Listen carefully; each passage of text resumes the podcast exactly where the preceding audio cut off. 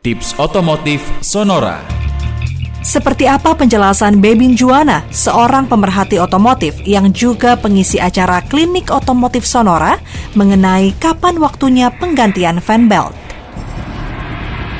Ada merek-merek mobil yang sudah pokok difonis.